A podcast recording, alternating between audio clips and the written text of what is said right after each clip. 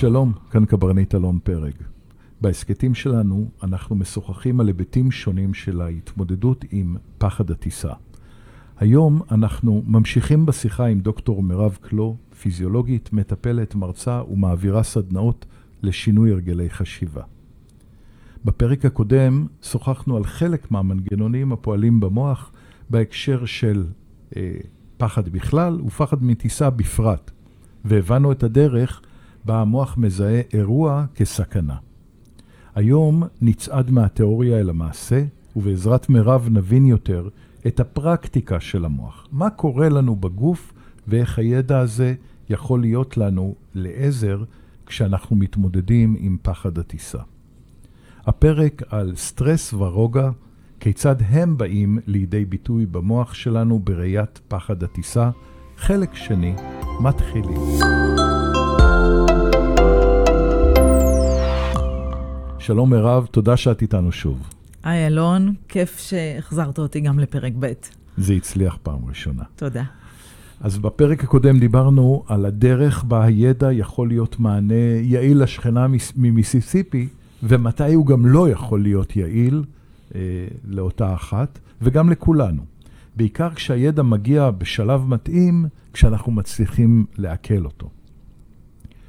וכאן יש נקודה חשובה. אני מכיר אירועים רבים שבהם רמת הלחץ גבוהה כל כך, שמי שנמצא בתוך האירוע כבר לא מצליח לקלוט מסרים.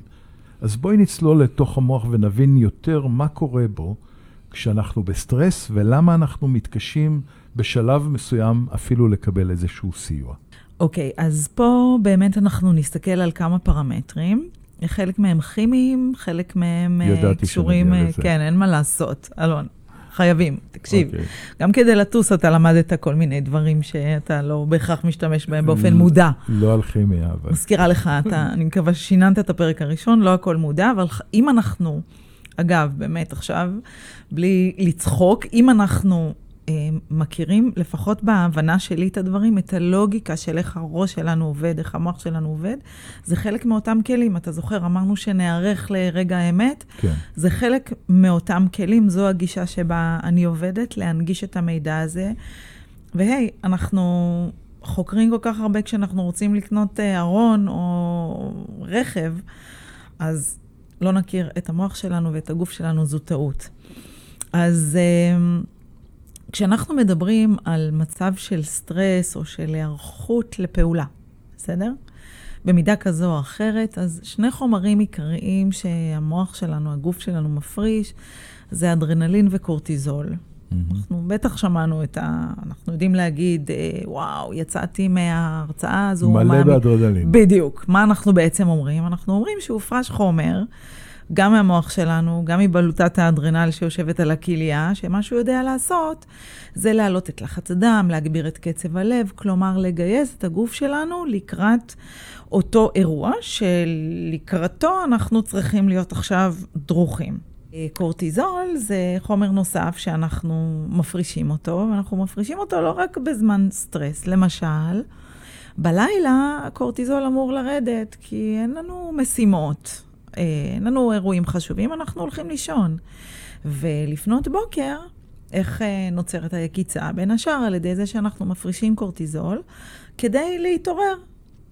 מתחילים לזוז במיטה, מתמתחים, העיניים נפתחות, קורטיזול עוזר לנו לדבר הזה לקרות. עכשיו, קורטיזול אמור להיות מופרש וגם אדרנלין, בתגובה לכל מיני דברים, ברמות מסוימות. וכשאדם נמצא באיזשהו מצב של חרדה קיצונית או פחד קיצוני, אז כמובן שהחומרים האלה יופרשו, מה שנקרא, ביתר.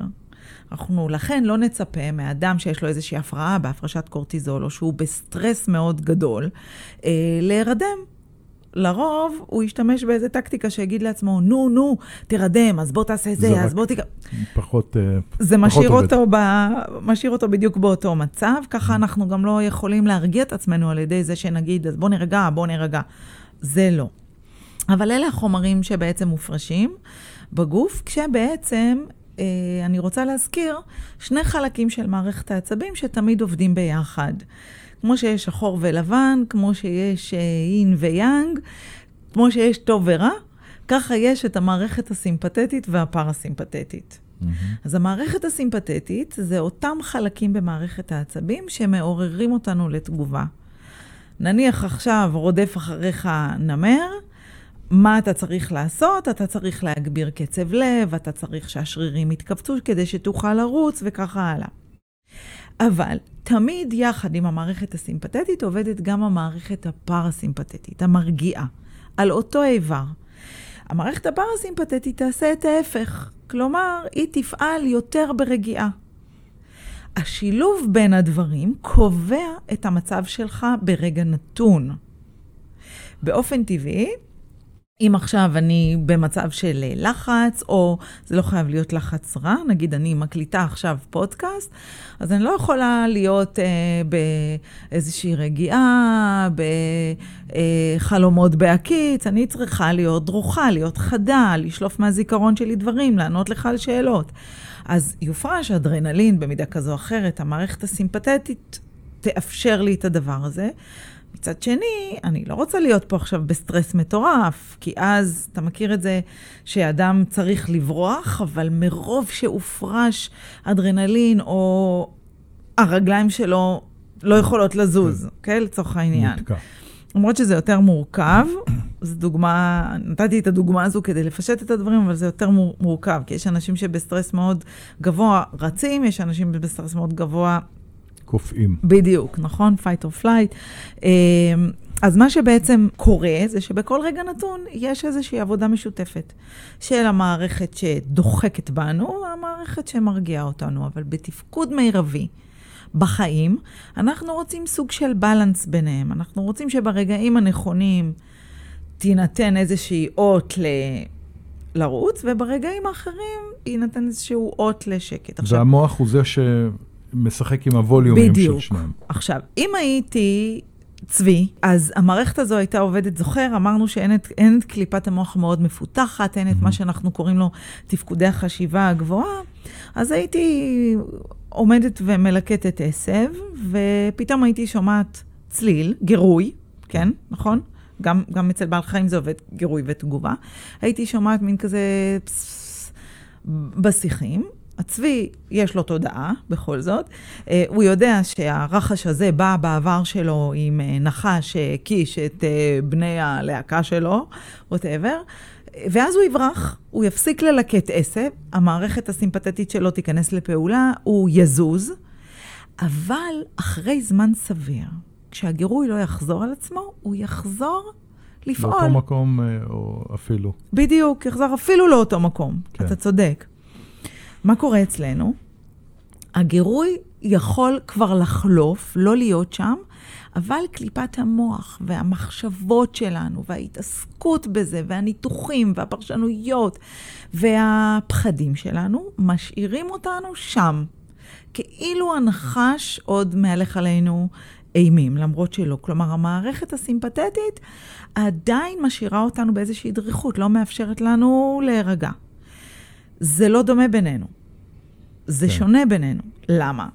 כי ישנם דברים ששונים בינינו גנטית, נדבר על זה. וכי נחשפנו לדברים שונים במהלך החיים וגם לתגובות שונות, זה לא רק להיחשף לאותם דברים.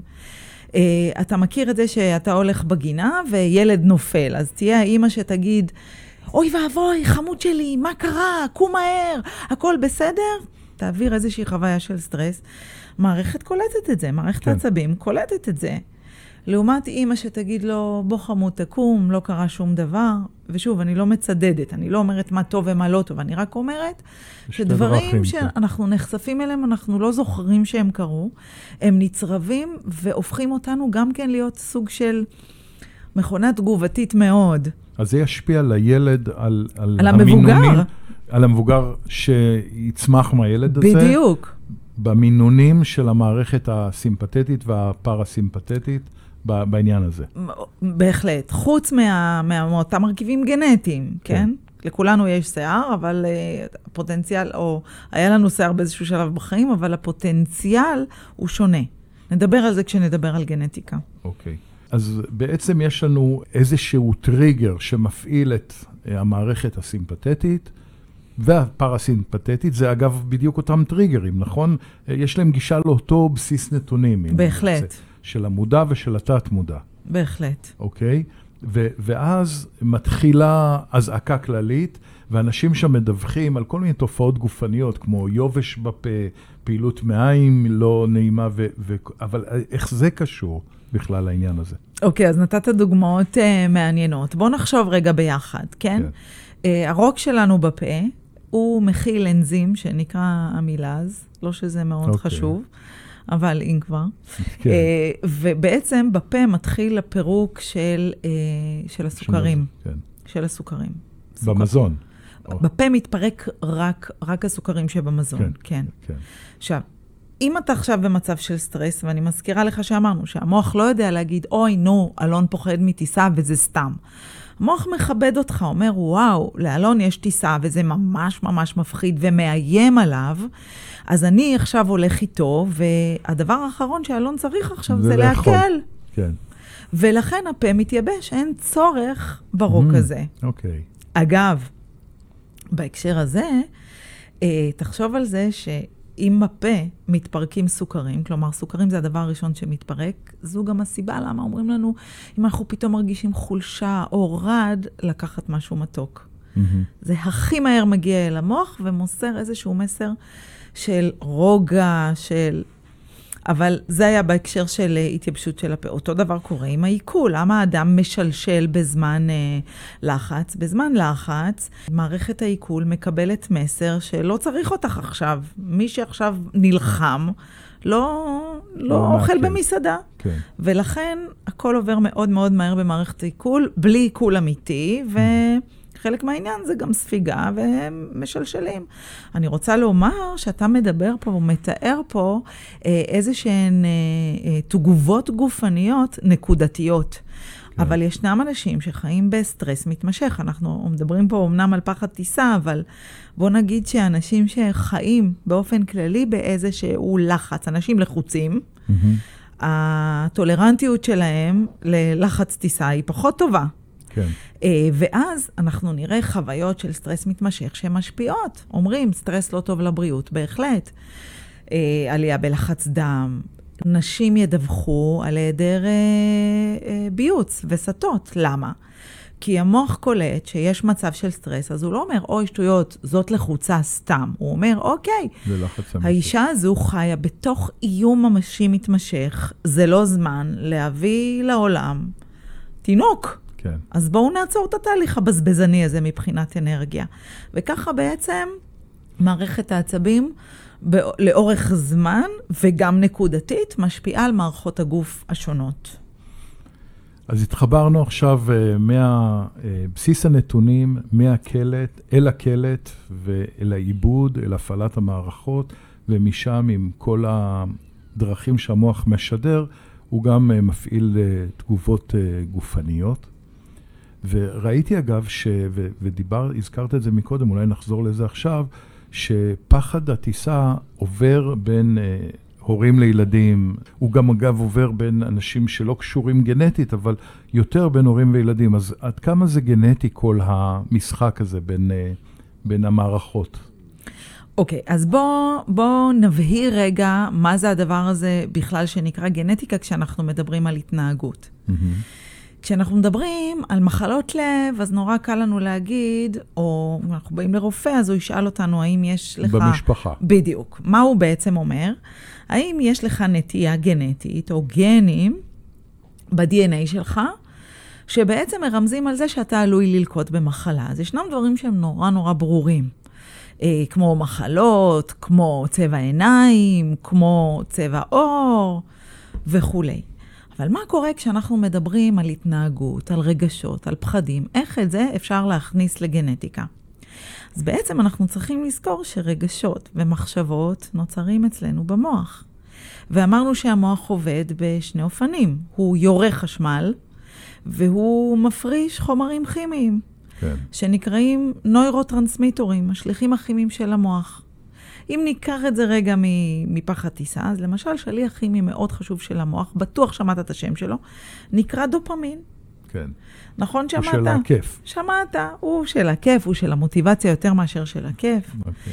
אה, דיברנו על אדרנלין. אדרנלין גם כן, יש הורמון אדרנלין ויש נוירוטרנסמיטור שנקרא נורדרנלין, והוא אחראי על הסטרס. אז אתה ואני מפרישים אותו, אבל מראש הפוטנציאל שלנו להפריש אותו, המהירות, הכמות, הזמן שהוא מתפרק. זה גנטי. יפה. זה גנטי, זה שונה, וזה ישפיע על האישיות שלנו. בסופו mm-hmm. של דבר. היום אנחנו יודעים, פעם היו לימודי פסיכולוגיה לחוד, לימודי ביולוגיה לחוד או פיזיולוגיה לחוד. היום אנחנו יודעים שהדרך הנכונה ביותר היא לחבר בין הדברים. להבין שגנטיקה וסביבה באים ביחד. אז מצד אחד לכל אדם יהיה את הפוטנציאל שלו להיות אדם לחוץ, להיות אדם פוחד. מצד שני, הוא מאוד מאוד תלוי בחוויות הנרגשות שלו. באיזה בית גדלת? מה שמעת? איך ניהלו פחדים ההורים שלך? אה, איך אה, ניהלו פחדים החברים שלך? איזה חוויות היו לך שנצרבו שוב ושוב? אגב, בהקשר הזה, אה, לפעמים מספיק שדבר יקרה פעם אחת, אבל בחוויה שלך הוא כל כך טראומטי, שהוא יצרב במוח כאילו קרה אלף פעם, mm. וזה פוסט-טראומה. כן. ולהזיז אותך מזה, זאת אומרת, מספיק שפעם אחת חווית משהו שהשפיע עליך מאוד מאוד, זה נרכש. כן. בלי קשר לגנטיקה שלך, זה נרכש, ואתה עכשיו, כדי להפר את הדבר הזה או להשתכנע במשהו אחר, אתה כאילו צריך לעבור אלף פעם חוויות מתקנות, אם בכלל. אז זה מאוד מאוד מורכב לדעת מה בסוף קורה לך, מה משפיע לך, אבל בהחלט אפשר להתבונן מסביב ולראות. אני גדלתי בבית לחוץ, אני לחוץ בכל מיני מצבים, יש לי נטייה להגיב מהר, יש לי נטייה להיות אימפולסיבי, זה יכול להצביע על הנטיות הגנטיות שלנו, יכול גם להצביע על מנגנונים שלנו, על פצעים שלנו, על חוויות רעות שלנו מהעבר. אז דיברנו על, על הגנטיקה, וזה גם uh, מה שאת אומרת עכשיו, זה העירוב של הגנטיקה עם הסביבה, עם מה שקורה לנו, זה בעצם מה שיוצר אותנו. אז, אז בפחד הטיסה אנחנו יורשים את החרדתיות, אנחנו מקבלים מההורים ומהסביבה גם uh, דעות ו, ודעות קדומות או אמונות לא נכונות, וכל הדברים האלה ביחד מתלבשים לאיזה גוש אחד גדול, שהוא התודעה והתת-מודע שלנו ביחד, שאיתו אנחנו אחר כך uh, מתמודדים עם טיסה או עם, עם כל אירוע אחר. מעולה, אתה ממש מחבר בין, ה, בין הפרקים ובין הפרטים. כן, uh, זה בסוף, uh, לי זה לפחות יוצר איזושהי תמונה שמתחברת עם המציאות, כי אני נפגש עם האנשים שהם כבר באים אליי עם הפחד. הם כבר אה, באו עם הגנטיקה ועם עם חוויה קשה שעברה להם בטיסה, או עם איזה משהו שהם ראו בטלוויזיה ו, והתפרש אצלם כתמיד, כמו שאת אומרת. כן, אז תמיד זה קורה כך, ו, ומיד הם משליכים את זה הלאה לעתיד, אה, מדמיינים את עצמם במקרה הזה. זאת אומרת, כן, אבל אתם לא שם, אתם לא הייתם שם. כן, אבל אם הייתי, אז הייתי מתה שם. בדיוק, אז פה דווקא כן הייתי לוקחת ואומרת, אוקיי, אז בוא נדמיין שאתה שם, ובוא נדמיין מה עושים. מה יקרה? כן. זאת אומרת, לא ללכת נגד. זו, זאת הגרסה שלי. כן, כן. לא להגיד, אתה לא שם, אלא להגיד, אוקיי, אז בוא נראה. זה רק דמיון, זה רק בראש. וכאן אנחנו בעצם אה, מגיעים ממש לקטע הפרקטי של השיחה שלנו. במסגרת הפודקאסט הזה אירחתי כאן אה, אה, אנשים שונים, הצגנו דרכים שונות לטיפול באנשים עם פחד בכלל ופחד מטיסה בפרט. שוחחתי עם עופר אלוני, שהוא מטפל ב-NLP, עם פרופסור ערן חיות, שהוא פסיכולוג שמתמחה בחרדות, ובגרסה באנגלית של הפודקאסט יש גם שיחה מרתקת עם מטפלת בהיפנוזה, בהיפנותרפיה. Mm-hmm. ומה שאת מדברת עליו עכשיו הוא בעצם אם אני לוקח את הכל, את אומר, מדברת על שינוי בהרגלי החשיבה. זה בעצם הסיפור. האם אפשר לקחת את כל התיאוריה הזאת ולהכניס אותה לתוך פרוטוקול טיפולי, או לתוכנית שבה לומדים את השינוי הזה? אז קודם כל, אני רוצה לומר, הזכרת היפנוזה. היפנוזה אה, זה המצב שבו מנגנוני ההגנה מוסרים. כן. הכל פתוח, ומה שעושה כמובן, היפנוזה עושים רק אצל אה, מטפל שמוכשר לעשות את זה, שהוא לגמרי, כן. פסיכולוג קליני לפחות. מה שהמהפנט, שזו מילה שלא כל כך מסתדרת לי, אבל אותו אדם ש, שמעביר אותך את התהליך הטיפולי הזה, הוא למעשה מנסה לפתוח את הכל ואז לכבט אותו מחדש. כן. בסשן מאוד מאוד אה, אה, דומיננטי מבחינת החוויה של המוח. זה נצרב חזק מאוד. אבל התחום שלי הוא לא היפנוזה. כן. ואני אומרת, איזה כלים אני יכולה לתת לאדם כדי שהוא יעשה לעצמו איזשהו תהליך מתמשך, אוקיי? ואז אני אומרת, אוקיי, אה, קודם כל הבנה, הבנה של איך המוח שלנו פועל. אה, הבנה שאנחנו נעים בתדרים שונים, הבנה שאי אפשר לעשות עבודה ממשית כשאתה בתוך תדר של חרדה, בתוך תדר גבוה. תדר של למידה חייב לערב את שתי המערכות, כלומר שהמערכת הסימפתטית והפרסימפתטית יהיו שם יחד. ופה יש באמת כל מיני שיטות, כל מיני שיטות uh, שפועלות, אבל הרעיון צריך להיות בעצם שינוי החוויה. ואחרי שאנחנו מצליחים לשנות את החוויה, אז בעצם לחזור על החוויה החדשה כמה שיותר פעמים. זה מאוד מאוד בגדול. אה, אנחנו אחר כך נמשיך ונדבר על איך ממש משנים את, אה, את אה, דפוסי החשיבה. אז איך באמת משנים הרגלי חשיבה? אז הגענו למפתח, אני חושבת, העיקרי. Uh, הייתי מציעה, ל, ל, הייתי מציעה לאנשים להתבונן על כל אירוע בחיים שלהם כחוויה. חוויה היא לא בהכרח אירוע גדול, עוצמתי. כל דבר שאנחנו עושים הוא חוויה. וחוויה תמיד מורכבת מאיזשהו רגש, מחשבות והתנהגות. רגש זה דבר שאנחנו לא יכולים לשנות. זאת אומרת, להגיד לאדם לחוץ, תירגע, בוא נירגע, בוא עכשיו, זה לא נכון, כי לפחות מבחינת המוח, המוח לא יודע לעשות את זה. מה המוח כן יודע לעשות? המוח יודע לקבל עוד אינפורמציות לתודעה שלו. אז אמרנו, איך הוא מקבל אינפורמציה? הוא מקבל אינפורמציה על ידי החושים, אבל גם יש אינפורמציה מתוך תוכנו. היום אנחנו לא יכולים לשנות, לא יכולים לשנות כרגע את המציאות החיצונית, בואו נשנה את המציאות הפנימית. איך נעשה את זה? אמרנו שחוויה מורכבת מרגש, ממחשבות ומהתנהגות. מספיק שנחשוב עוד מחשבה, חוץ מהמחשבה שיש לנו על הטיסה. זה לא אומר שנוותר על המחשבה, זה לא אומר שנגיד, טוב, המטוס לא יתרסק היום, אלא שנכניס עוד אפשרויות למערכת, לסיסטם. נכניס עוד אפשרויות של מחשבות, כבר אז המוח מתגמש, קוראים לזה brain plasticity או neuroplasticity. גם אפשר להתנהג אחרת. כלומר, אם עד היום נמנענו, נחליט שאנחנו יוצאים. אגב, אפרופו, אם עד היום נמנענו, שתדע, שתדעו שהמוח שלנו מאוד מאוד אוהב אתגרים דווקא. תשים לב, פרסומאים או אנשים ברשת החברתית, כשהם רוצים לגייס אותך לעשות משהו... הם מכניסים איזושהי... אה, מילה שקשורה לאתגר. כן. אתגר הירידה במשקל. כן. למה לא אומרים לך הירידה במשקל הקלה והפשוטה? כן. כי המוח שלנו לא אוהב שאנחנו נותנים לו משימות פשוטות מדי. כדי שנרגיש טוב עם עצמנו ובעלי משמעות, צריך איזושהי משימה שיש בה מידה של אתגר. לא אתגר גדול מדי, אבל מידה של אתגר זה כמובן סובייקטיבי. אז בעצם, אם אני חוזרת, חוויית הטיסה מורכבת מהרגש שעולה בנו, שהוא כרגע לא בר שינוי. נתון. אבל ממחשבות שיש לנו על הדבר הזה ומהתנהגויות שלנו בדרך כלל באירוע הזה. אז בואו נפתח את המחשבות לעוד אפשרויות. נוכל להגיד לעצמנו, אולי המחשבה שלי היא לא נכונה. אני עדיין יודע שאני נוטה לבחור בה, אבל אולי לא נכונה. אולי מה שאז ראיתי נגמר, נגרם מדבר אחר. אה, או להתנהג אחרת, להיערך אחרת, לעשות דברים אחרת.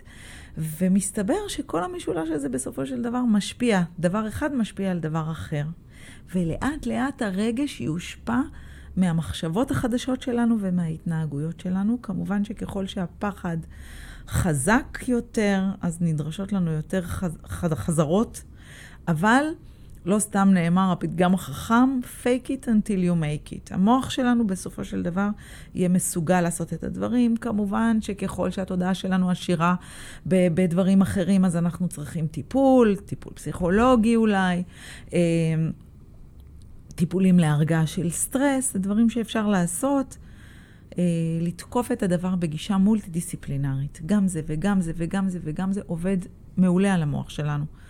מעולה. המוח שלנו צורב חוויות טוב יותר ככל שהגירוי הוא רב-חושי. אז קודם כל, אם אני מחפש כותרות, אז כותרת אחת כאן אולי זה מחשבה שיוצרת מציאות. כי את אומרת, אה, עכשיו אני אה, נמצאת בסטרס, אז בואי אני אחשוב גם על, על אפשרויות אחרות. אני אגב מציע לאנשים, ב, ב, כשהם מתמודדים עם פחד מטיסה, לדמיין מה יהיה אחרי הטיסה. לאן אני טס? אה, אני הולך לפגוש אנשים, אני הולך לדמיין לעצמי ריחות וצלילים ו- ו- ומגע עם אנשים אחרים, אה, ואני מבין שזה גם חלק מלייצר משהו אחר, ואת גם אומרת, גם תתנהגו אחרת. אם אתה נוטה לשבת קפוץ, תקום. אם אתה נוטה להסתובב כל הזמן, אז תנסה לשבת. תעשה דברים שונים כדי ללמד את המוח, והמוח... והמסר השני המאוד עוצמתי שאת אומרת, זה המוח לאט לאט מקבל את הצורה של, של מה שאת אה, מאמנת אותו לעשות את זה. בהחלט. אנחנו מדברים על מסע שנגיד אה, אם מתייחסים על הפחד, אז מסע שמתחיל בפחד הכללי הזה, ובסוף אנחנו מגיעים לאיזשהו פיק, לאיזשהו שיא, שבו האדם נמצא כבר בפחד, בפחד הקשה, החזק, אולי התקף חרדה, אולי לא. ודיברת, גם זרקת קצת שיש תדרים שבהם המוח כן מוכן לקבל עוד מידע, ובקטעים אחרים שאנחנו מכירים את זה, האנשים נעולים. אז, אז אם אני עכשיו נמצא בתוך החרדה הקשה הזאת, ומירב לא לידי, איך, תני לי איזשהו רעיון איך לתקוף את, ה, את הפחד הזה. אז קודם כל אני רוצה לומר לך שגם אם מירב לידך, לא בטוח שמירב תעזור, בוא נחזיר אותי לגודלי האמיתי. אוקיי. אה, אבל... Uh, מירב יכולה לספר לך ש, שקראה מאמר השבוע, ופה אני חוזרת להיות נורא נורא נורא ספציפית ומדויקת, uh, ובמאמר הזה אמרו שאנשים נמצאים בתוך רגע של מחשבה מאוד מאוד סבוכה וחזרתית. אה, בלי קשר לגנטיקה, לחוויות, לתודעה, לכל הדברים שדיברנו עליהם. הם כבר בפנים, בתוך אז אני רוצה לפשט לך את זה. ישנן שתי נקודות בקליפת המוח, אחת בקדמת הראש, אחת באחורי הראש, וגילו שכשבן אדם נמצא עכשיו בתוך הרגע של הסטרס המטורף הזה, יש פינג פונג בין שתי הנקודות. חשמל רץ בין שתי הנקודות האלה, בין הנוירונים פה והנוירונים פה, ואז הוא לכוד בעצם בתוך הלופ המחשבתי הזה, וגילו גם שהדרך לצאת ממנו זה להוסיף נקודה שלישית. Mm. והנקודה השלישית תהיה בדרך כלל איזושהי משימה לא קשורה, אבל הכרחי שאנחנו רוצים לעשות אותה. כלומר, אם אני אגיד לך, בוא, אלון, תפסיק לחשוב את המחשבות ותיקח ספר עכשיו, אה, ואתה לא מרגיש, זה לא יקרה. זה לא יעבוד. אבל אם אני אגיד לך, תשמע, אלון, בוא תפתח את האימייל שלך ותענה למיילים שיש לך מהעבודה, וזה מעניין אותך וזה מושך אותך פנימה, גילו שהפינג פונג הזה בין שתי הנקודות יפסיק, ובעצם כל המערכת תירגע. אז זו גם דרך להכין את עצמך ולהגיד, אני עולה לטיסה, ואני יודע שאני עלול לפגוש את עצמי באיזשהו סטרס, אני מכין את עצמי מראש איזה דברים בדרך כלל מעסיקים את המוח שלי, יעניינו אותי לעשות. כי אולי אני קורא ספר, ואז הפינג פונג הזה כל כך חזק, אתה מכיר את זה שאתה קורא ספר, ואתה ואז... לא, אתה רק את העיניים לא רצות. העיניים רצות, אתה חוזר על אותה פסקה שוב ושוב ושוב. אז זה לא נכון לך.